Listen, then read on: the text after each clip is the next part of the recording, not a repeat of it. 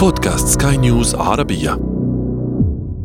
تستمعون إلى بودكاست كان ياما سينما. معكم إيمان جبور. ونتحدث عن سينما القرن العشرين. وكما يقال في قاموس السينما. أكشن كان ياما سينما.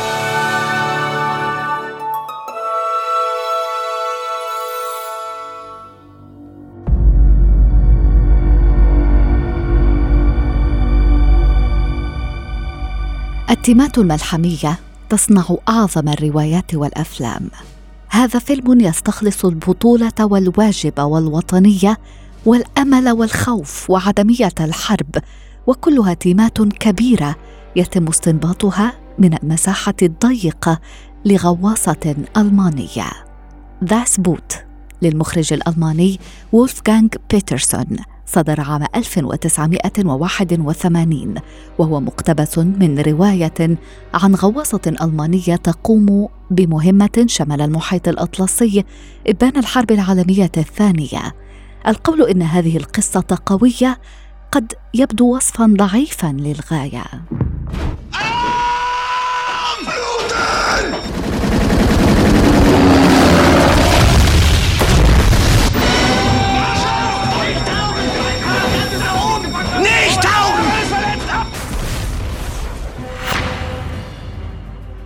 جزء كبير من قوة هذا الفيلم يكمن في رأيي في إجادة الضبط من قبل صناعه في كثير من الأحيان. تلك الأفلام التي تسعى إلى تحريك المتلقي بسرعة تقع في الميلودراما والإفراط المبالغ فيه. غالبا ما تحقق الاستجابة الفورية وتكون عادة عبر التفاعل والبكاء لكن هذا التأثير يبقى سطحيا. في هذا الفيلم يترك المخرج القصة تحكي نفسها بنفسها تحدث التأثير ومفعول الدراما بشكل تلقائي مع شيء من المساعدات الفنية والتقنية طبعا.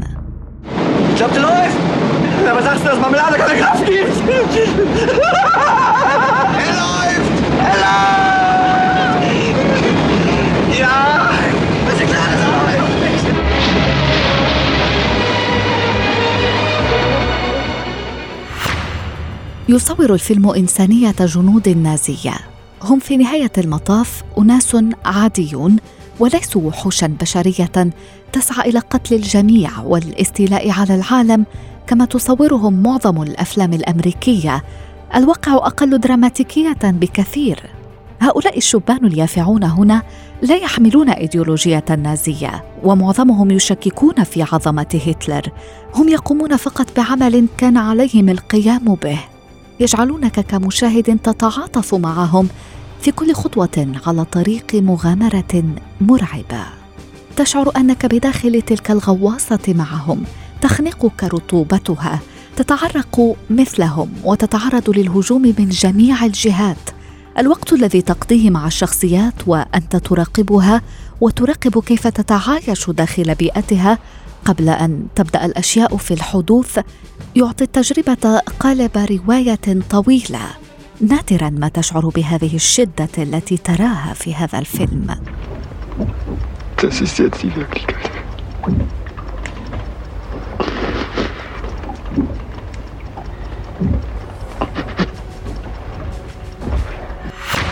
من وجهة نظري ما جعل داس بوت يرتقي إلى مصاف الأفلام العظيمة.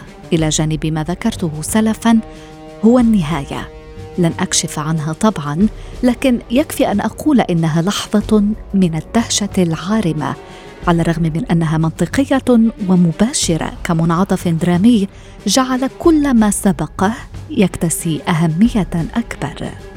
داس بوت تخطى كل ما عهدناه من أفلام الحرب.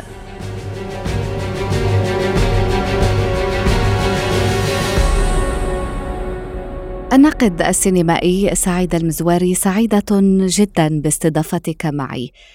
thriller نفسي من الدرجة الأولى أحداثه تقع داخل غواصة وخلفيته حرب عالمية. سعيد المزواري الفيلم طويل بصراحة لكنه لا يمل نريد لو سمحت أن نضيء على تلك العناصر التي شكلت عبقريته السينمائية فعلا وفي الحقيقة الفيلم يمثل نوعا ما استثناء داخل نوع أفلام الحرب باعتبار أن المخرج وفغاغ بيترسون استطاع أن يحقق معادلة صعبة هي إخراج فيلم حرب داخل فضاء مغلق. كما نعرف أن غالبا ما تجري أفلام الحرب داخل يعني فضاءات مفتوحة للغاية على الطبيعة ومساحات شاسعة تتيح تحرك الجنود والحشود وكذلك مشاهد المعارك. هنا ليس فقط الحركة تجري داخل الفضاء مغلق بل الفضاء ضيق جدا للغاية. يعني الغواصات معروفة يعني إلى جانب الدبابات بأنها لا تتيح مساحة كبيرة لتحرك الجنود داخلها. فكيف الحال بالنسبة لطاقم تصوير وكاميرات وغيرها؟ وأعتقد أن مفتاح النجاح الذي نجح من خلاله المخرج في رفع هذا الرهان هو المونتاج. كيف استطاع أن يقوم بمونتاج ديناميكي يستغل تنوع سلم اللقطات بين مشاهد متوسطة يعني وأخرى مقربة تلتقي تعابير الوجوه تعابير الخوف والقلق والترقب الشك وحتى الحنين إلى حياة العائلة بين هؤلاء الجنود.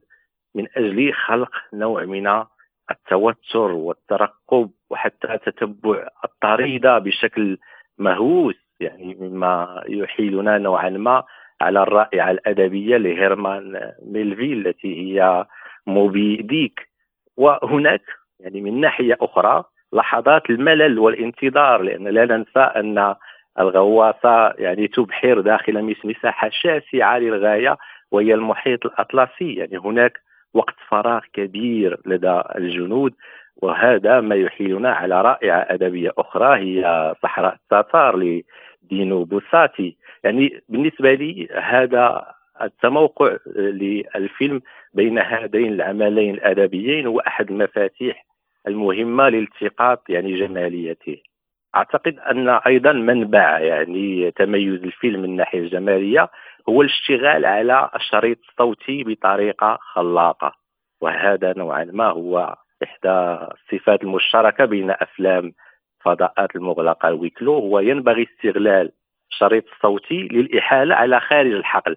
لا ننسى أن الفيلم لا نرى في أي لحظة تقريبا العدو متمثل في القوات البريطانية فقط نستحضره من خلال التاثيرات الصوتيه نتذكر هذه المشاهد الرهيبة يعني بصوت سونار الآتي من الفرقاطه البريطانية التي تبحث عن أدنى صوت حتى توجه القنابل نحو الغواصة. والمخرج استغل جيدا يعني هذه اللحظات المزاوجة بين الصمت والتأثيرات الصوتية. وهنا أستحضر قولة المخرج مارتين سكورسيزي وأن أهم موسيقى أو تأثير في حوزة المخرج هو الصمت. الصمت وحده يصنع الفارق ويعطي مفعولا كبيرا للمؤثر الصوتي. إنتاج الفيلم كان معقدا للغاية لأن الإنتاج كان مقررا أن يبدأ في بداية السبعينات ولكن نظرا لأن الفيلم كان يستدعي يعني إمكانات ضخمة لبناء الديكور وغيرها يعني حتى وقت التصوير كان طويلا نسبيا وأن كاتب الرواية التي تم اقتباس العمل عنها الذي هو لوتار جونتار بوخايم رفض رفضا قاطعا الاستعانة بالأستديوهات الأمريكية لأنه لم يريد أن يتم تمثل شخصياته بطريقة يعني كاريكاتورية أو كليشيه نوعا ما الجنود النازيين ومعه حق في هذا الجانب. لكن في بداية الثمانينات تمت الاستعانة بالتلفزيون الألماني وأموال يعني خواص من أجل يعني تجميع حوالي 32 مليون مارك وهذا مبلغ ضخم للغاية يعني لإنتاج الفيلم مما يجعل منه أحد أغلى الإنتاجات في تاريخ السينما الألمانية. كذلك بالنسبة للفيلم مهم جدا للغاية أنه يعتبر مرافعة بليغة يعني ضد عبثية الحروب ويقول بشكل رائع أن لا أحد يخرج فائزا من الحرب سواء المنتصر أو المنهزم كما قال أفلاطون وحدهم الموتى يرون نهاية الحرب. الناقد السينمائي سعيد المزواري شكرا جزيلا لك. مستمعينا الكرام إلى العدد المقبل.